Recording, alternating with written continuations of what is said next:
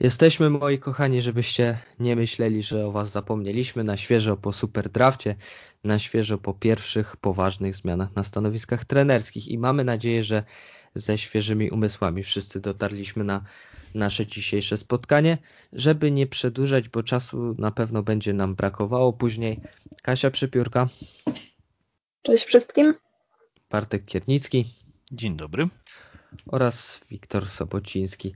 I właśnie zaczniemy jeszcze ten super draft sobie zostawimy jako taką wisienkę na torcie i to taka duża wisienka będzie na tym torcie, bo pewnie trochę o tym pogadamy. E, zaczniemy od nowych trenerów, a mianowicie od Hernana Lozady e, w DC United. Co sądzicie o panu Losadzie? Jest to Mam wrażenie, że musiał chyba zachwycić czymś. Bo bo wątpię, żeby tak z miejsca y, po, po wszystkich doniesieniach y, insiderów, które miały miejsce od kilku miesięcy i po tym jak, po tym jak bardzo długo przekonywali nas y, właśnie ci dziennikarze, że w grze zostało tak naprawdę czterech trenerów potencjalnych i nagle ni, ni stąd, ni, ni zowąd okazuje się, że stanowisko przejmuje Hernan, Hernan Losada, no to jakby tutaj dla mnie sprawa jest wręcz oczywista, mianowicie w ostatniej chwili włączył się do gry i po prostu przedstawił taki plan, że kogoś musiało ściąć z nóg, bo, bo wątpię, żeby w innym przypadku po prostu tak w ostatniej chwili zatrudnili akurat jego, skoro zostało tam czterech, y, czterech kandydatów.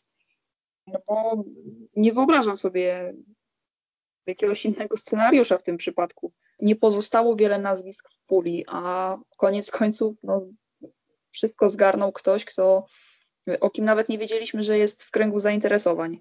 Mm, jest to bardzo ciekawy trener. Po pierwsze jest bardzo młody, po drugie ma niesamowicie, jego filozofia jest cały czas konkretny atak, bardzo wysoko ustawia całą drużynę, bardzo dużo jego drużyna strzela.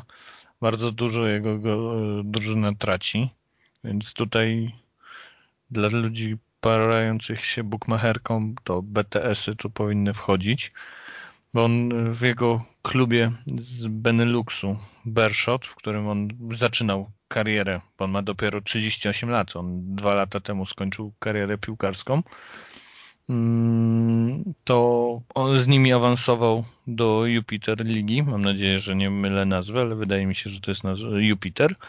Yy, I po pierwsze, on teraz, w tym sezonie, jego drużyna straciła właśnie 40 goli, strzeliła ponad 40 goli, tylko dwie drużyny strzeliły więcej, jak odchodził, i tylko jedna e, drużyna straciła więcej goli niż jego drużyna, więc on tam all-in gra. Więc to mi się bardzo podoba. Mówi Czyli cztero... plus 3,5 bramki stawiać, tak. jeżeli już. Mm, y, mówi czterema językami płynnie. No i nie boi się wstawiać na młodych piłkarzy, więc tu będzie pełna ofensywa. Nie zdziwię się, jak po prostu y, linia y, obrony będzie złożona tylko z graczy wychowanków opcjonalnie z graczy amerykańskich i wszyscy obcokrajowcy international to będzie y, atak, żeby po prostu jak najlepszą ofensywę wystawiać, więc tu może być ciekawie. Skład ma dość ciekawy, moim zdaniem na przykład pod nim Gressler odpali, bo będzie grał tak jak pod Atlantą w pierwszym sezonie i w drugim. Więc jak jeszcze go ich nie tłamsili y, jakąś wybitną taktyką, tylko żeby był cały czas atak. Więc tu myślę, że to będzie tak wyglądało jak Atlanta z 2017, czyli do boju i do przodu. Tak, taką mam chociaż nadzieję. No jest bardzo ciekawy y, powiedzmy, że transfer, pozyskanie trenera takiego, ta, tak jak Kasia mówi, z czapki trochę, bo no, nikt, jego nazwisko prawie w ogóle się nie pojawiało chyba do dnia przed ogłoszeniem już oficjalnie, ale to ciekawy trener. No zobaczymy, co zrobi z DC. No od Olsena będzie na pewno lepszy. Czyli Marcelo Bielsa style, tak w skrócie tak. mówiąc. Bardziej, Zdecydowanie, dlatego bardziej tutaj mi się nie podoba właśnie takie ten. Wydaje mi się, że to nie będzie styl Atlanta United, tylko E, tylko to właśnie będzie, właśnie będzie Bielsa czysto i jakby zakładanie pressingu praktycznie tak, mi chodziło, w każdej strefie, tak? Nawet nie o atak, atak, tylko o to, że po prostu oni w pierwszym sezonie byli bardzo skierowani na atak i cały czas atakowali. Tu też tak będzie, tylko tu jeszcze będzie, tak jak Kasia mówi, i pressing, i po prostu mm, tak, taktyka jak Marcelo Bielsa. I co jeszcze? Jest informacja, że on i kontaktuje się z nim, i z jego technicznymi. Więc oni są cały czas w rozmowach, więc tutaj naprawdę oni, no moim zdaniem to, to może być bardzo ciekawa opcja. No zobaczymy. Ale to nie, nie jest jedyny Argentyńczyk. Zgrywa, to, to właśnie e, trochę skład e, DC United, no bo e, jeżeli on lubi stawiać na młodych, to fajnie, bo tam jest kilku fajnych wychowanków, na których warto zwrócić uwagę i oni grali w London United, w tych niższych dywizjach w, klubie afiliacyjnym DC United. Czy, także tam jest, jest Moses Neyman, który jest naprawdę fantastycznym talentem, Kevin Paredes, który też jest naprawdę bardzo fajnym zawodnikiem, ale przede wszystkim Griffin Yo, który na mnie robi bardzo duże wrażenie. Odkrycie I, chyba tam tego. I mam nadzieję, że właśnie on będzie na nich stawiał, ale takimi zawodnikami nie da się e, praktycznie awansować do playoffów. Do tego dochodzi nam bardzo no, ten trzon zespołu, no to są jednak zawodnicy starsi i się tak zastanawiam, e, czy oni w ogóle będą pasowali do niego. No zobaczymy, bo sam projekt wydaje się być ciekawy, mm, aczkolwiek podejrzewam, że na początku mogą być delikatne schody, chociaż e, to, co powiedziałeś odnośnie do Juliana Gressela, on idealnie pasuje do tego stylu i tutaj jestem bardzo ciekawa, jak on będzie grał, jestem ciekawa, jak będzie grał Paul Ariola, o ile zostanie w klubie, bo dzisiaj właśnie była, rozmawiamy sobie w piątek późnym wieczorem, e, dzisiaj była konferencja prasowa pierwsza e, DC United z udziałem właśnie trenera i z udziałem dyrektora generalnego i właśnie Dave Kasper potwierdził, że trwają rozmowy z, ze Swansea dotyczące transferu Pola Arioli. Zobaczymy, co z tego wyjdzie.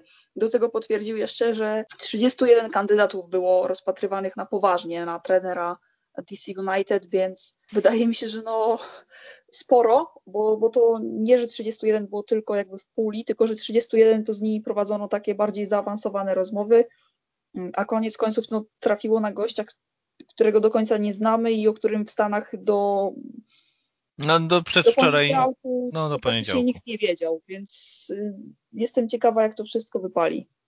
No ja myślę, że właśnie Assad, Flores odpalą pod nim. No zobaczymy.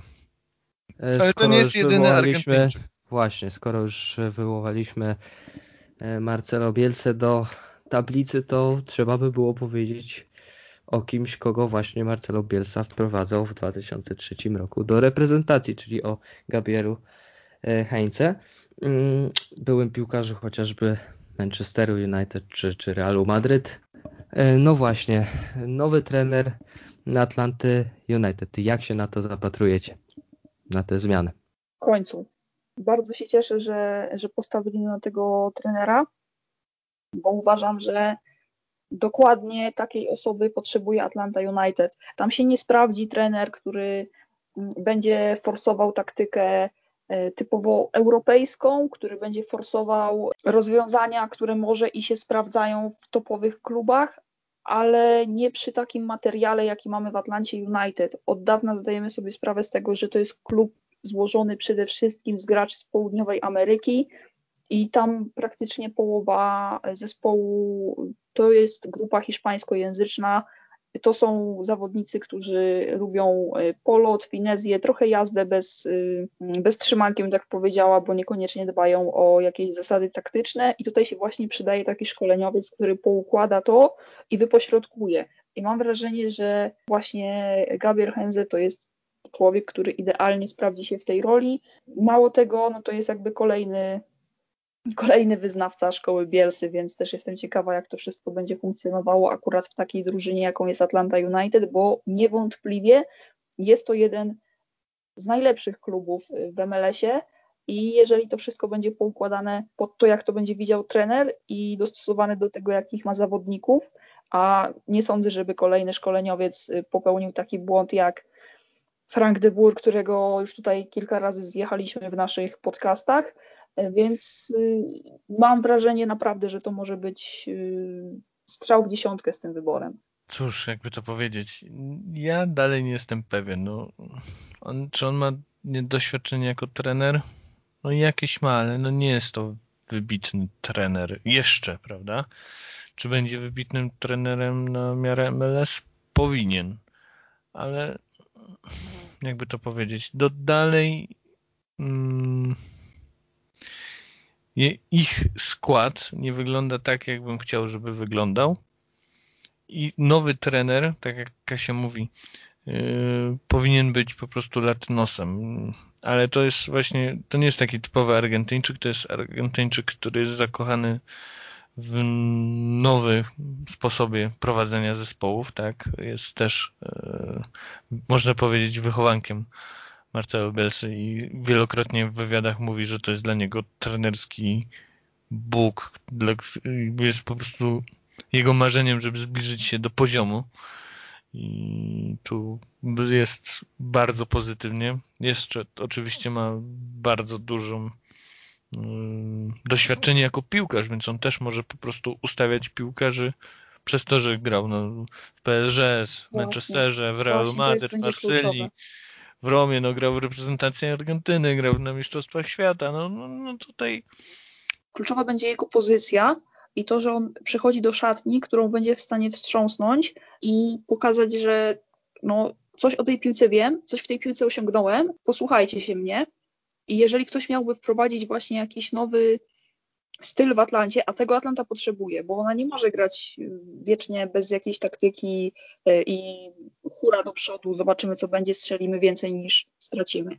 To, to nie jest odpowiednia taktyka na Atlanta United, to tak po części było mm, za Taty Martino, za Franka de to pominę, bo, bo mam wrażenie, że on nie miał praktycznie większego autorytetu w tej grupie, jaka jest w Atlancie United, a właśnie Gabriel może, y, może pokazać im, że przy tym potencjale, jakim mamy, możemy grać zupełnie inną piłkę i możemy wygrywać.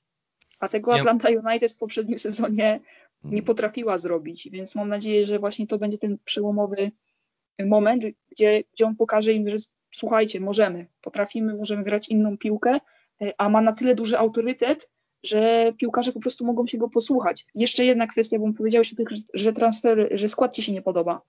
Znaczy, no mnie no, też jeszcze tak, w sensie, nie, no tam brakuje, brakuje nazwisk dużych, dwóch, tak? No, trzech piłkarzy doszło jakieś na poziomie tam, tak? Bo DP Więc... chyba im się tam nie zmieści, ale nie, tak no DP to może już tam nie, nie przepłacajmy. Ale jest to możliwe, żeby po prostu, po prostu jeszcze te transfery wykonać, bo nie oszukujmy się, Atlanta, akurat Atlantę na transfery stać, tylko kwestia poukładania tego odpowiednio finansowo i spięcia z salary cap, bo, mhm. bo to, mhm. że oni sobie mogą pozwolić na transfery e, stosunkowo ważnych piłkarzy, no to wiemy nie od dziś, więc tutaj jest kwestia tylko poukładania tego i bardzo się cieszę, że, że ten trener przyszedł teraz, bo no bo po części to o to chodzi, żeby ten, żeby ten szkoleniowiec ściągnął sobie takich piłkarzy, jakich on chce i jacy będą, pasowa- jacy będą pasowali do jego, do jego wizji, więc tego się trzymam i mam nadzieję, że, że to wypali, bo, bo wydaje się, że to jest naprawdę sensowna, sensowna osoba i, i w końcu w Atlancie nie ma jakichś eksperymentów typu Frank de Boer, bo, bo to wiedzieliśmy, że nie ma prawa wypalić. Ale tutaj jedna rzecz, bo mówiłaś właśnie o autorytecie. Tak, tak. Fran de Boer tak, też był wybitny Właśnie piłkarz, to jest, był wybitny piłkarz, tylko on, on z nimi, on z trzech, trzy czwarte kadry nie miał o czym z nimi rozmawiać. Po hiszpańsku, bo rozmawiał przez tłumacza. Inny jest, e, inny jest autorytet, jak rozmawiasz face to face, a inaczej przez tłumacza. I może to też tu się rozbiło. Ja dalej uważam, że Frank de Boer w innym klubie MLS by odpalił i to kosmicznie. No ale nie w no, Atlancie. Toronto FC chociażby. Choci to chociażby Toronto FC, no bo tak jak już patrzymy... Toronto, tak, Kansas. FC, no naprawdę, jest mnóstwo zespołów, w których on mógłby odpalić, a przyszedł do grupy latynosów, którzy jak no tak, tak, naprawdę mieli go trochę gdzieś i, i on po prostu dla nich nie był autorytetem, więc to jest po prostu w tym wszystkim głupie, no nie, bo, no, nie, bo to, że on był wybitnym piłkarzem, to wiemy. Jakby nie kwestionujemy tego, ani ja, no, ani jakby nikt y, normalny, no ale trafił na bandę po prostu latynosów w Atlancie United, no i no, no taka jest prawda, no. Mm. Co tutaj można więcej dodać? To, że jedyny rozumny człowiek, który tam był i kumał o co mu chodzi, został no to wytradowany. No to jakby było podsumowanie całej kariery Franka de Bura w tym. Ale on dobrze chodził pod e, Frankiem de Burem nie. Nagby. To nie, nie wiem, czy nie lepiej niż pod porterem. Ja wiem, że trochę świętokradzę, e, ale naprawdę fajnie chodził pod e, rządami Frankiem Dobura w Atlancie Nagbe. Okej, okay. to już mamy dwóch trenerów. Czyli a propos kolejnych dobrych piłkarzy, no to Phil Neville też się do takich zaliczał. I... E, no tak. No to dobrych, nie powiedziałem, że wybitnych. Jego brat był o wiele lepszy, ale no tutaj mamy do czynienia akurat e, z Philem Nevillem, czyli kolegą klubowym oczywiście Davida Beckhama, troszeczkę razem pograli.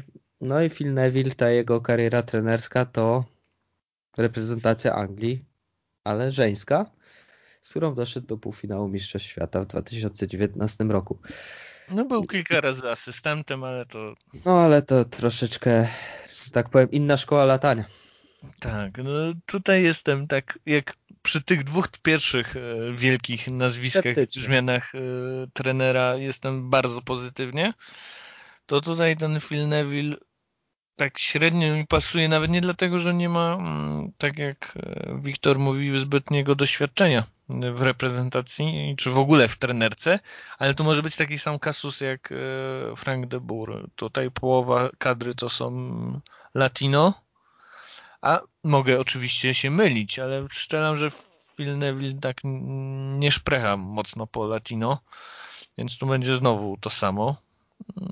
No zobaczymy. No, ja jestem sceptycznie nastawiony. Jak te dwa pierwsze e, nazwiska czuję, że odpalą, no to Phil Neville to jeszcze... Tylko czy on, on sobie troszeczkę nie będzie chciał właśnie, to takie brzydkie słowa, ale zangielszczyć tej kadry?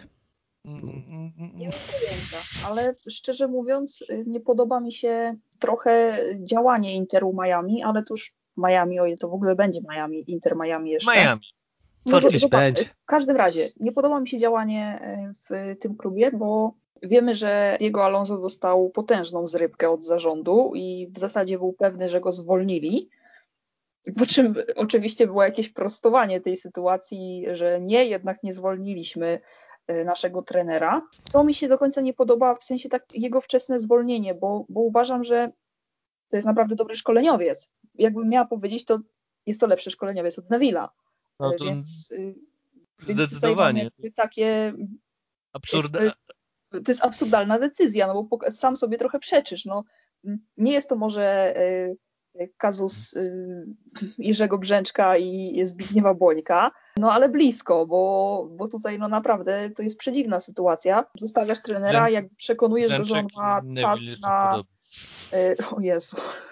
Tak, urody. Masz czas, masz czas na to, żeby działać y, i, i wprowadzić jakby swoje myślenie, co jest oczywiste, co, co oczywiście uważam za całkiem słuszne, bo on po prostu nawet nie mógł za bardzo pracować z tymi zawodnikami, z którymi teoretycznie powinien.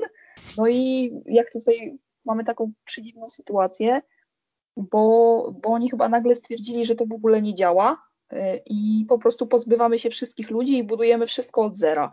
Tutaj jest kolejny zgrzyt, bo o ile na przykład podoba mi się ściąganie ludzi, którzy mają doświadczenie i to ogromne doświadczenie w MLS-ie, na przykład Chris Anderson, bo to była troszeczkę transakcja wiązana jednocześnie z ogłoszeniem trenera, poznaliśmy nowego dyrektora sportowego, no to, to jest gościu, który przez x lat był odpowiedzialny za wszystko to, co się działo w Seattle Sanders, więc ściągnięcie takiego, no tak, no, od początku praktycznie działania, więc wyciągnięcie tego gościa do Interu no to jest wspaniała sprawa. No i do tego dajesz mu Phila Neville'a. No i jak, jak, to, jak to razem ma niby zagrać? Ale przecież on by tak odpalił z Diego Alonso. No, tak. To byłby sztos. Gdyby oni zostawili tego Diego Alonso, który ma naprawdę świetny sztab, który, który ma pojęcie na, o taktyce, ma pojęcie o tym, jak to wszystko pospinać i właśnie ściągnięcie do tego samego Hendersona, który by po prostu dobrał zawodników odpowiednich do, do profilu tej drużyny.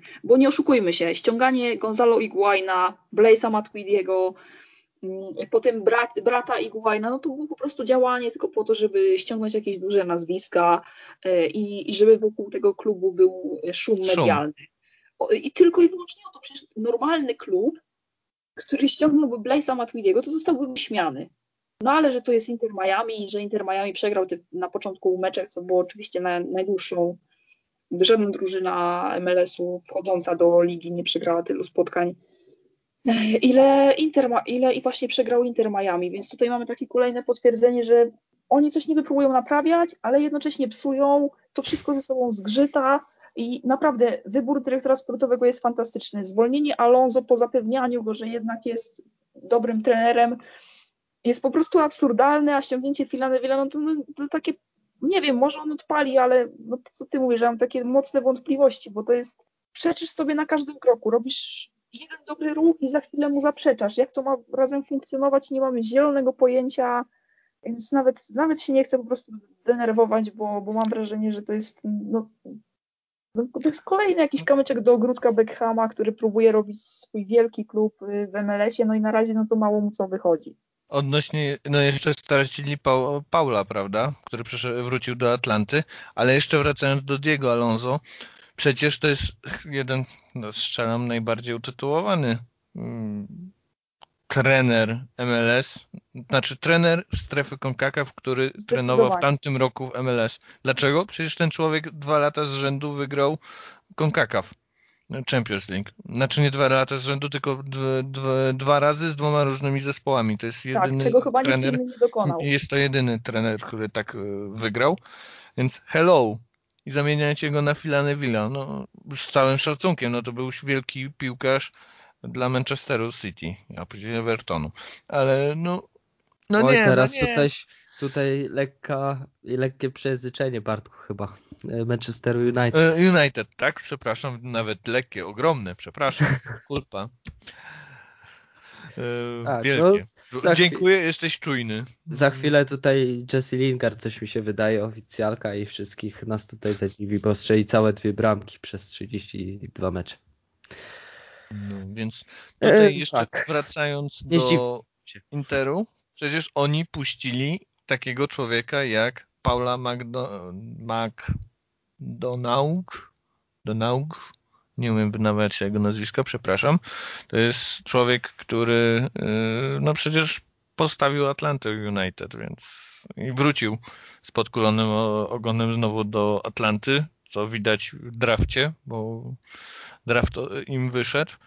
Więc no, no z jednej strony fajnie, że wzięli Chrisa. Nie, tak jak Kasia mówi, no to jest szef nad szefy. No, on stworzył... Ja do Paula mam trochę zastrzeżeń, bo wydaje mi się, że akurat e, on bardzo dobrze współpracował z Carlosem Bocanegrą i bez, e, bez Carlosa Bocanegry w Atlancie United nie byłoby tylu dobrych transferów. On odpowiadał za większość tych najlepszych tak, oczywiście. strzałów.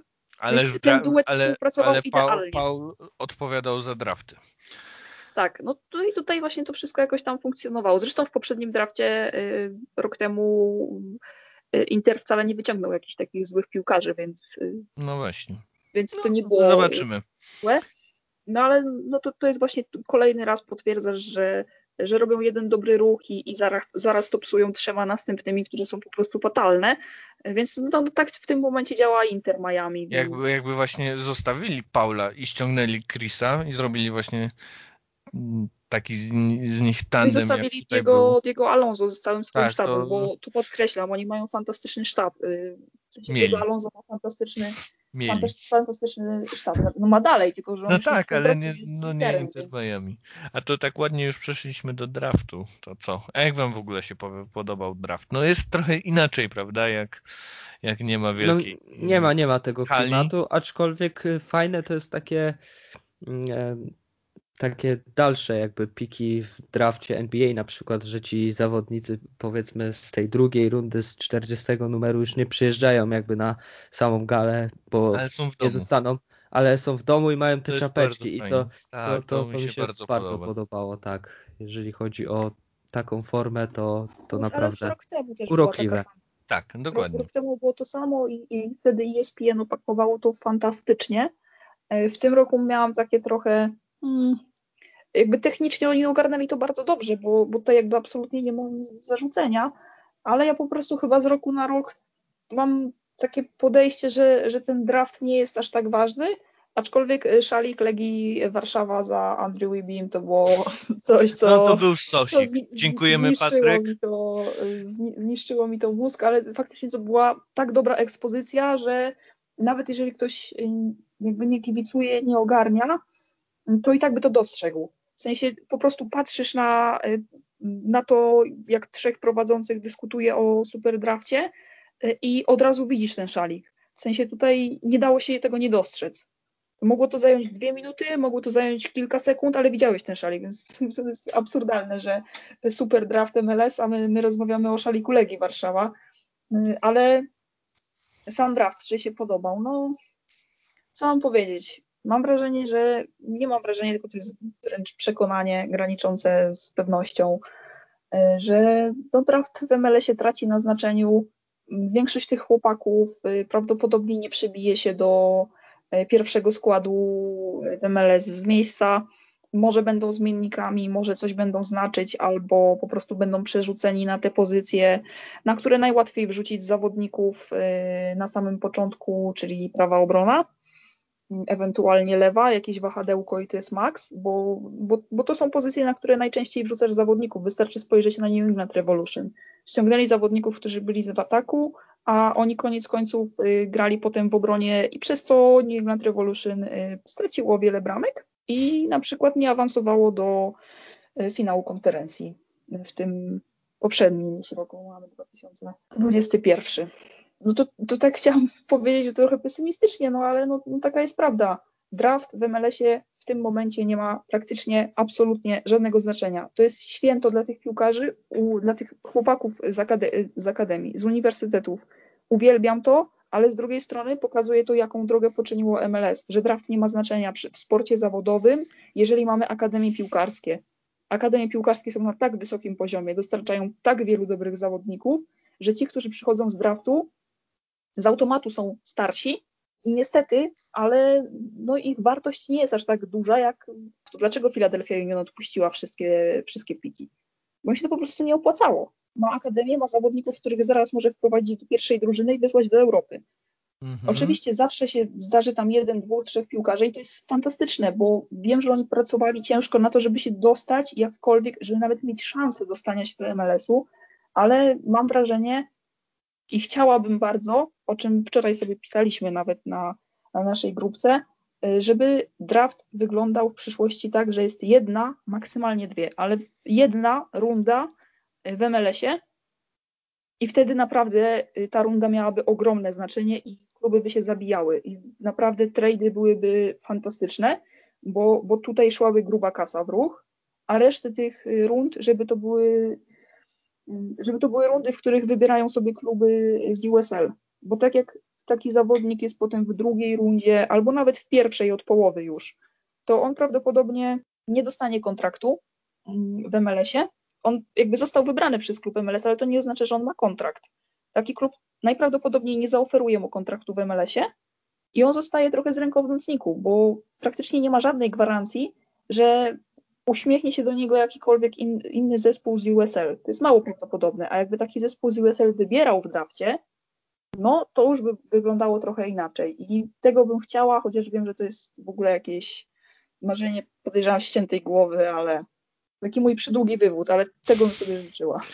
Te, ja powiem tak. No dobrze, Bartku, możesz pierwszy. Dziękuję i przepraszam. E, ja zrobię tak, że zrobię małą kontrę gdyż ponieważ e, draft jest ważny dla części klubów, tych, które dalej nie mają Dwóch. akademii albo mają Jednak słabą akademię, czyli Minnesota, Dynamo, Cincinnati, nowe LA Galaxy. LA Galaxy, yy, albo mają na tyle kumatą drugą drużynę, która idealnie wprowadza yy, zespoły, yy, znaczy piki z draftu typu New York, e, Red Bull na przykład. Orlando City ostatnie 3 lata robi bardzo, nawet 3-4 lata robi naprawdę solidne piki. Naprawdę, no cztery, pięć, no nie, no oni, nawet w wszystkich też, latach. No fajnie zaczęli w tym drafcie przecież. Wszystkie lata z Kylem Larinem zaczęli. No na przykład. Kyle Larin, Chris Miller i Daryl Dyke, no to są trzy fantastyczne piki w drafcie, ale no to cały czas mówimy, że ograniczamy się do jakichś jednostek i dlatego ja dalej chcę, żeby ta pierwsza runda została w MLS-ie. Dwie rundy. Bo... Tylko, Dwie że to jest tak Nie, to trochę, Kasiu, że oni rzeczywiście wybrali, dali, dali szansę tym, tym zawodnikom. Bo no też tak, jest no. tak, że no wybiera ktoś i właściwie nie daje żadnej szansy, no to, to jak ten chłopak maśle. w MLS-ie. No, On zostaje na, cały pre-season, spędza z drużyną z MLS-u po tym, po, po to, żeby potem ktoś powiedział, że nie stary, ale potrenowałeś z nami fajnie, bo mieliśmy kogoś, mieliśmy partnera do gierek, mieliśmy partnera do sparingów, y, ale nie dajemy ci kontraktu. I co, i co ten chłopak ma zrobić? On prawdopodobnie. USL. Duży, no, no, tak, ale no tak. to USL nie daje ci takiego, takiej oferty, bo jeżeli ty trenujesz z USL i cały preseason spędzasz z drużyną w USL, okej, okay, możesz dostać kontrakt. I tak było. Ale to, są, to, Tomasem, to jest półtora Tomasem, miesiąca różnicy. Tak, między MLS tak, a tym. Tomasem Waja Jeju, to nazwisko takie bardzo trudne. Waja Waja wow. Tak, to, fantastyczny tak, tak, zawodnik tak. na USL Tylko, swoją drogą. Pamiętajcie, on nie został wybrany w Superdrafcie. Mm. Tak, Tylko on po dokładnie. prostu Wtedy my, się, my, byliśmy w szoku, że to jest zawodnik, który nie dostał szansy w ogóle w żadnej Tak, bo on, z tych... on miał spokojnie być na takie 20 któreś miał, miejsce, tak, a... on miał być w pierwszej lidzie, a on nie dostał, nie dostał propozycji prze... i od razu wtedy spędził cały preseason z drużyną z USL, grał w Pittsburghu i kurczę, to był naprawdę jeden z najlepszych zawodników w USL. I to jest ta różnica. Jeżeli wybiera ci zespół z USL, chłopak dostaje szansę. Tak to spędza półtora miesiąca, dwa miesiące z drużyną z MLS-u, który na koniec mówi mu, sorry stary, ale jesteś za słaby. No, ale zostaje półtorej miesiąca w profesjonalnym środowisku. No tak, to no też jest ważne.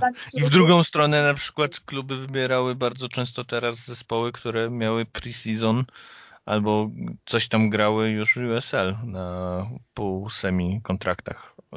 Też wiem, że chyba nie do końca to miało wyglądać i tak normalnie no to, to zawodnik w drafcie jest wybierany tylko i wyłącznie wtedy, kiedy nie ma podpisanego żadnego profesjonalnego kontraktu. Jedynie, jedyne miejsce, w którym grał, to jest jego uniwersytet. Ja myślę, że to zmienią, wiesz? Z PDL albo aktualnego USL League 2, które jest ligą amatorską. I ta liga służyła tylko i wyłącznie po to, żeby zawodnicy pomiędzy sezonami ligi uniwersyteckiej grali gdzieś w piłkę. A tutaj w tym roku mieliśmy no tak. tak jak zauważyłeś, no kompletnie jakieś inne dziwne wydarzenia, bo, bo ci zawodnicy grali w USL, no i wtedy faktycznie jest jednak ogląd trochę no takiego. Ale moim zdaniem tak powinno być. Powinni mieć możliwość grania w USL. Powinno to no, zostać to zmienione jest... do pierwszej ligi po prostu, że zakaz grania w pierwszej lidze. Ja, ja, tak cały czas mówię, że mi się to trochę nie podoba i, i ten, ten draft jednak trochę deprecjonuje. Ja wiem, że to jest dla tych chłopaków święto, tylko no ja też widzę jak niewielu z nich ma jakąkolwiek realną szansę na to, żeby grać i być ważną częścią tego zespołu. No, Dlatego to, no ale tak... z jednej strony tak, a z drugiej strony patrzymy na chłopaków z Minnesoty. Trzech no-name'ów. Tak, tak ale wracamy do I, tego, i, o, i oni są, są w kadrze olimpijskiej USA po roku grania w Minnesocie, a zostali wybrani, nie wiem, w 30 albo 50 pikiem.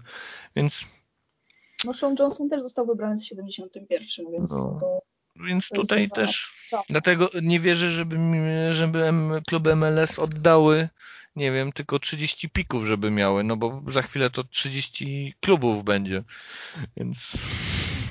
Ale, no, ale wyobrażasz sobie, jaka byłaby wtedy wartość. Ale, y, chcia, ale chciałbym, żeby na przykład były na przykład dwie rundy po 30, czyli 60, a było 180 pił, piłkarzy. Okay, to kupuję. I, czyli 100, mówię ci, 120, wymarzone... 120 idzie na dwie rundy do USL, każdy ma po jednym piku i, i w takim razie zostaje 50 bez kontraktu. No, to brzmi spoko. Tak. Mm, Wymarzona Cóż. jedna runda, ale jak będą dwie, też nie będę protestować. Cóż jeszcze z, ciekawostek? No, no, właśnie, ja się tutaj zapytał oczywiście od razu o Justina McMastera. Gdzie go widzisz w Minnesocie? Lewe skrzydło, jeśli się znowu nie połamie. Ale, ale... on jest bardziej prawonożny, z tego tak, co wiem. ale grał i na lewej i na prawej. Nominalnie powinien grać na prawej, ale no albo będzie robił za rezerwowego Loda, albo za rezerwowego nowego DP, który zastąpi Molino. Ale myślę, że on może być fajnym piłkarzem. No, w tamtym roku, jakby nie miał kontuzji, to go dawali do pierwszej dziesiątki. No, może odpalić. A odnośnie y, jeszcze, no w ogóle w tym drafcie było dużo dziwnych rzeczy. Y, po pierwsze, 20, y, przepraszam, 15 piłkarzy z pierwszej chyba 30 było z konferencji ACC, czyli Atlantyckiej. To jest ta konferencja, gdzie są najlepsze uczelnie, czyli na przykład te uczelnie z Ligi Bluszczowej. Więc tutaj bardzo dużo piłkarzy było z tej ligi. No i to była liga, która jako jedyna chyba dograła ligę jesienną e, z sezonu akademickiego, więc to też po prostu ich najwięcej się obserwowało, ich było najwięcej materiałów. Co jest ciekawe, pierwsze cztery piki draftu to byli gracze international, e, co jest dość ciekawe. W ogóle 12 chyba pierwszej rundzie z 27. Czyli prawie połowa to byli gracze e, obcokrajowcy. To mi się bardzo podoba, że tacy średni piłkarze, którzy no nawet z Guadalupe był pan, to, to w ogóle tak, jest e, fantastyczna sprawa. Sarkraze. On jest w ogóle reprezentantem, on grał w lidze CONCACAF z Syracuse z uczelni. Lukas Archandre, Archandro, jakoś Nawet tak? Luther, fajne takie imię. Albo Luther. Luther, no. Luther Archimede, dokładnie. O, widzisz, ja z głowy, więc mogę mylić, przepraszam. E, było pięciu graczy generacji Adidas, wszyscy zostali wybrani. E, co ciekawe, trzech pierwszych było wybranych jako trzech pierwszych pików i to byli właśnie gracze International, czyli kluby będą musieli zużyć na nich International Spot. Ale to akurat Austin FC, akurat przy tym Daniel Pereira, bo to był pierwszy mhm. pik, on się przeniósł do Stanów Zjednoczonych i on już od dłuższego czasu mieszka w Stanach Zjednoczonych, więc dla niego zielona karta to jest po prostu kwestia prawników, którzy to ogarną w ciągu pół sezonu. Więc to akurat podejrzewam, że sobie z tego doskonale zdają sprawę. I to też w sumie mogło zaważyć na tym, żeby ściągać go. tak. Tak, a, a nie innego piłkarza, bo, bo, bo Calvin Harris, czy, czy Majaka, czy Smith, no to już troszeczkę inna bajka, a w jego przypadku no, to chłopak się przeprowadził z rodzicami do Stanów Zjednoczonych i, i zaczynał w ogóle właśnie... No, pięć lat już mieszka. Tak, więc, więc dla niego to tutaj zrobienie kart, zielonej karty to jest, to jest po prostu kwestia tylko ludzi, którzy pracują w klubie i to jest załatwienie praktycznie od ręki. No ale no to, to mm. jest też to co, to, co mówicie, że nie bez powodu ci gracze z generacji Adidasa zostają wybierani jako pierwsi, no bo oni jeszcze jakkolwiek to, się opłacają. To, tak, no, po prostu są jeszcze w miarę młodzi, a i tak w porównaniu z wychowankami y, Akademii, no, no to są już po prostu starsi zawodnicy, którzy mają wchodzić i robić różnicę, a bardzo często... Ale już mają fajne wykształcenie. Tak, po to, to jest... Tak, no to, to jest, jest fajne. I są też doroślejsi i to też daje trochę moim zdaniem. I na przykład dlatego, nie wiem, Minnesota właśnie wyciąga e, absolwentów, prawda? Gaspera, teraz piłkarza, którego nazwiska nie wymówię. Znaczy, Przepraszam. No, no jest to, jest to nazwisko. Kibun Gucci, pewnie o niego ci chodzi. Tak, więc yy, tu... Moja teoria na temat Minnesota jest taka, że gdyby Minnesota miała Akademię z prawdziwego zdarzenia i gdyby rodzice za to nie musieli płacić drogich pieniędzy, to miałaby ekwiwalent za wychowanie swoich młodych no zawodników tak, i oni wygrali ci w pierwszej drużynie.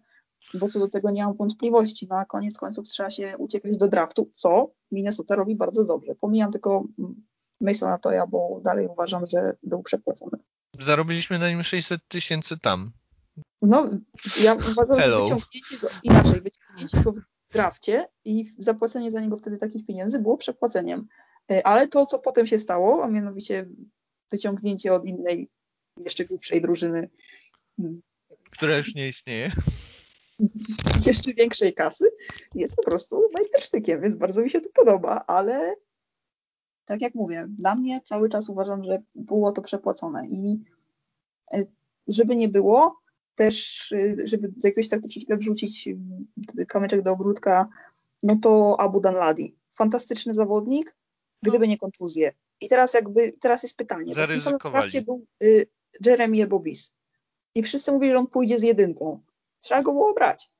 Danladi był, jest lepszym piłkarzem, jeśli byłby zdrowy. To pokazywał pierwszy sezon do połowy sezonu, dopóki nie był, miał pierwszej kontuzji. Szedł no, spokojnie na Rookie of the Year. No ale tak, więc no, zagrali Gambla, tak? No, tak samo jak zagrali teraz Gambla z Jamajczykiem.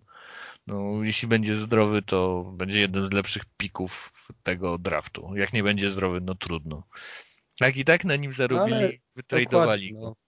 Ja, no tak, ja tak z tym Ebobisy to mam takie wrażenie, że no nie wiem, czy gdyby oni jednocześnie zaczynali grę w klubie, to czy byłby Ebobis słabszy od Danladiego. Mam wrażenie, że Ebobis był wręcz idealnie skrojony pod Minnesota i on by wam tam takie liczby wykręcał, że byście już od sezonu przynajmniej to za nim płakali, ale jednocześnie mieli sporą gotówkę. Moim zdaniem w Portland się bardziej odnalazł. Po prostu lepszy klub w Portland.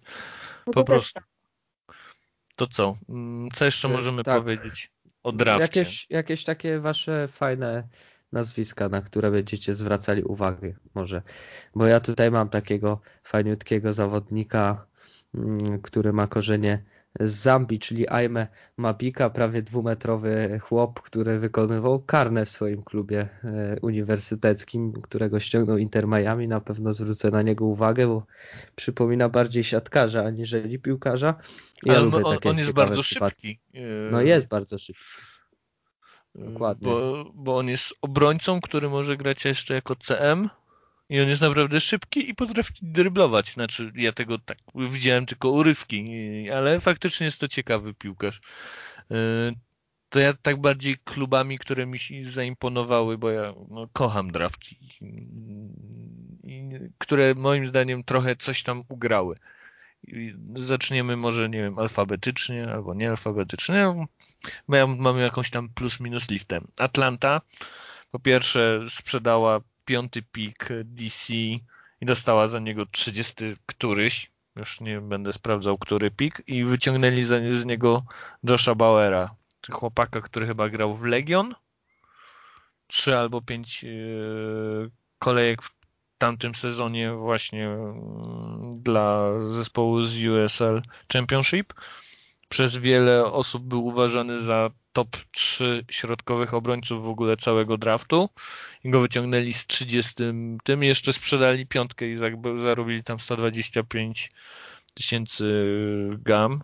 Rapids w ogóle zrobili w ogóle Rapids mi się tak podobają ostatnio, mają tak fajne mm, ruchy transferowe. Wykonali dwa trady, najpierw ściągnęli od Fire szóste miejsce i te szóste miejsce przekonwertowali na trzecie. No i wyjęli z niego no, najbardziej MLS ready piłkarza, czyli Kenijczyka? Filipa Majak. Kenijczyka, tak mi się mhm. chyba wydaje. Kenijczyka, tak. tak. tak. Więc no, to jest piłkarz, który w teorii powinien już móc grać w MLS tak od dnia pierwszego, więc tu bardzo, bardzo spoko. Co tam jeszcze mamy? Mamy Orlando, znowu dwa dobre piki. Oba z Georgetown, czyli mistrzów NCA właśnie z tamtego roku. DC wybrało dwóch dobrych piłkarzy z czwartego i piątego miejsca, więc tu też całkiem, całkiem.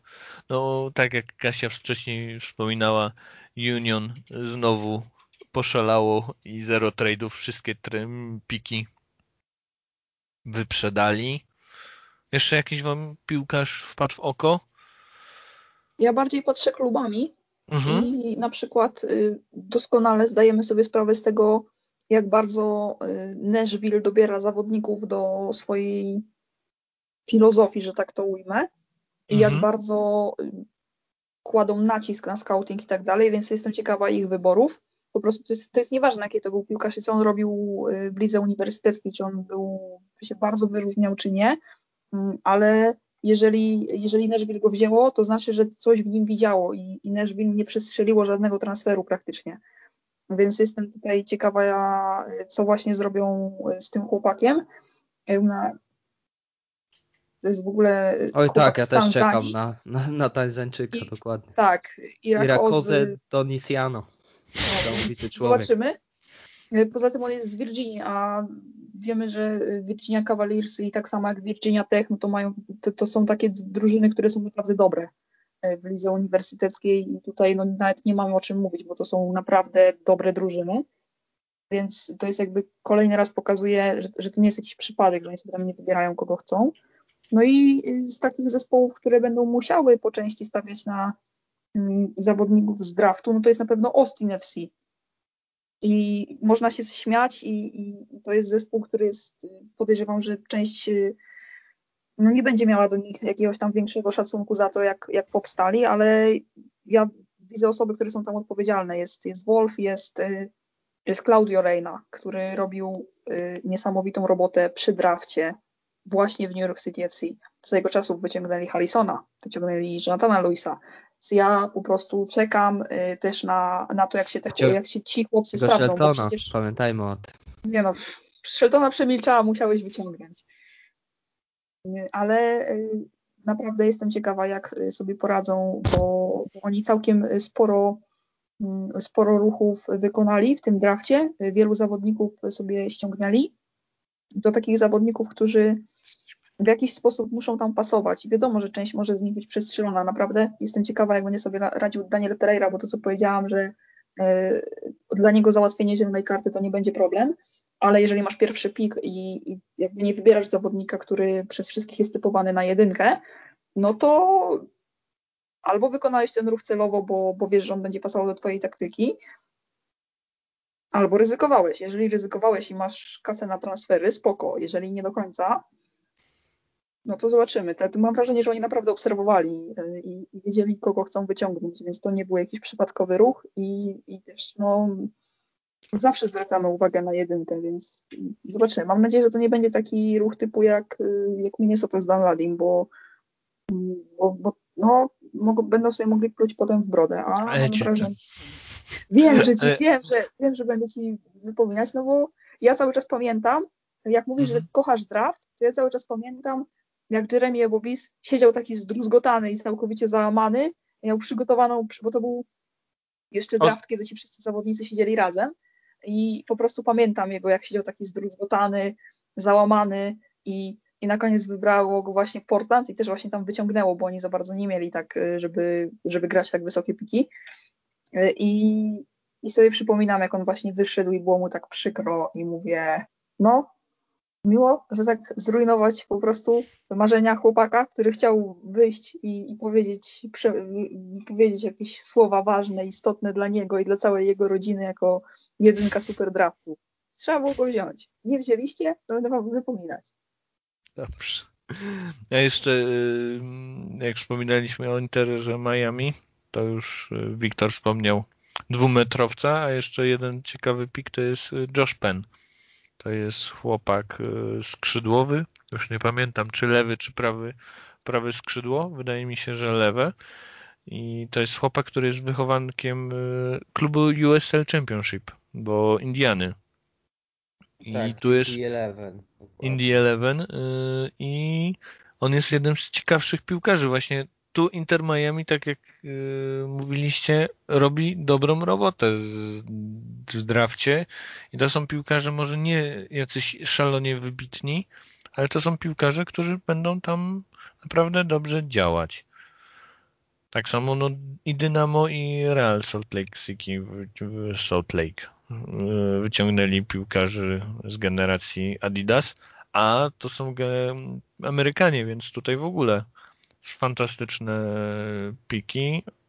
Oboje to są obrońcy, więc fajnie, bardzo mi się podoba, bo moim zdaniem najcenniejszym mm, najcenniejszymi piłkarzami w drafcie teraz, tak jak Kasia cały czas mówi, że się zmienił ten draft, ja się zgadzam, to są nie właśnie napastnicy, to wykluczając e, Dajka z Orlando, czy pomocnicy, ale obrońcy i może też bramkarze. Tutaj jakichś bramkarskich nazwisk mm, nie, nie było jakichś e, mocno latających nazwisk, które są naprawdę wow, tak jak był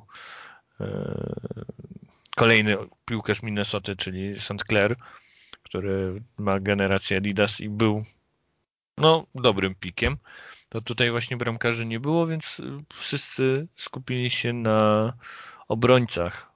I właśnie moim zdaniem tu amerykańscy obrońcy, którzy są MLS ready chociażby na ławkę, to przy dzisiejszym ściśnięciu prawda, e, całego składu to tani piłkarz z USA, który będzie obrońcą i który wejdzie i się e, coś tam podziała, to dla mnie to jest najcenniejszy aset, który można zdobyć w drafcie, dlatego właśnie Dynamo i Real moim zdaniem to też bardzo dobre y, rzeczy zyskali w tym drafcie i powinni odpalić. O, tak bym powiedział.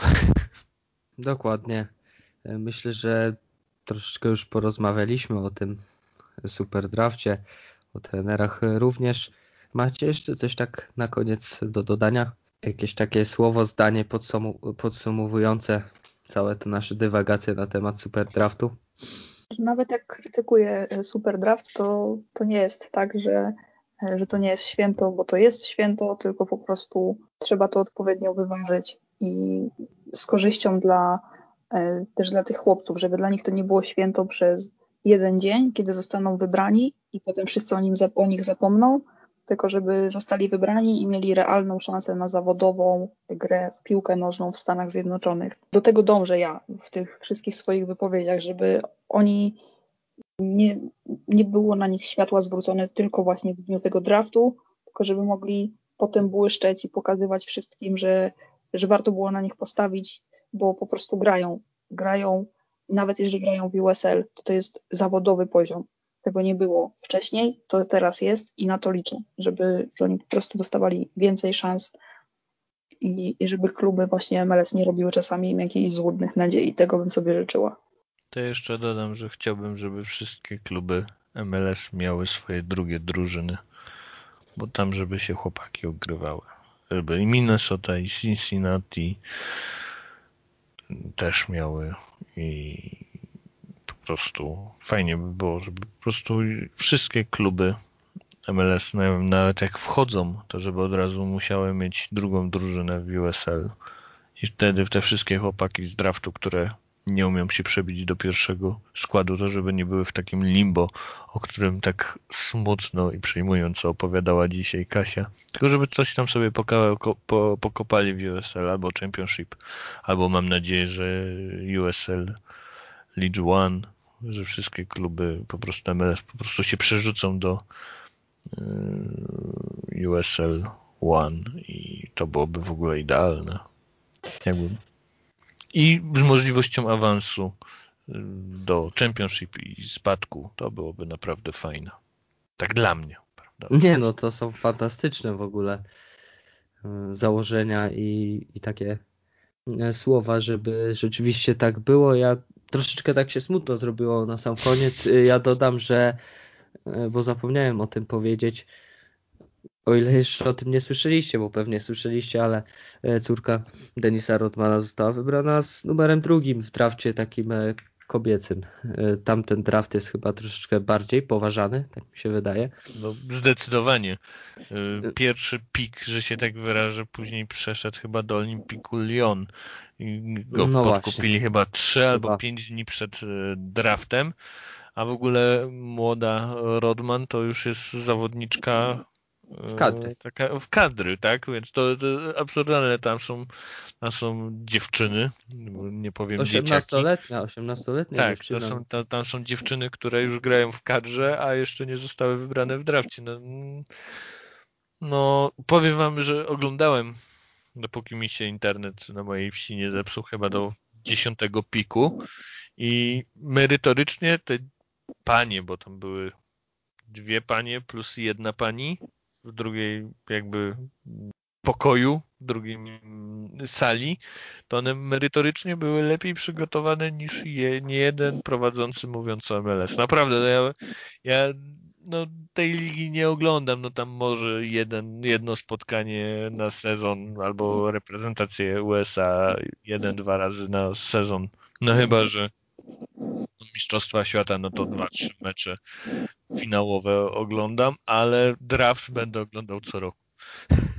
Bo naprawdę tam było widać emocje i te dziewczyny faktycznie potrafią i mają ten impact jak powiedzmy 5-10 lat temu piki z draftu miały impact w MLS, więc tam jest real deal. No kochasz, kochasz Bartku te, te wszystkie drafty? No tak. tak. Więc yy, za dwa tygodnie widzimy się na drafcie CPL kanadyjskiej z kanadyjskich uniwersytetów. Cóż, no. Dokładnie tak. Myślę, że to jest e, to najlepiej podsumuje cały dzisiejszy odcinek. E, dziękujemy Wam serdecznie, że dotrwaliście do tego momentu. Kasia Przepiórka. Dziękuję. Bartek Kiernicki. Dziękuję ślicznie. Oraz Wiktor Sobociński. Do usłyszenia.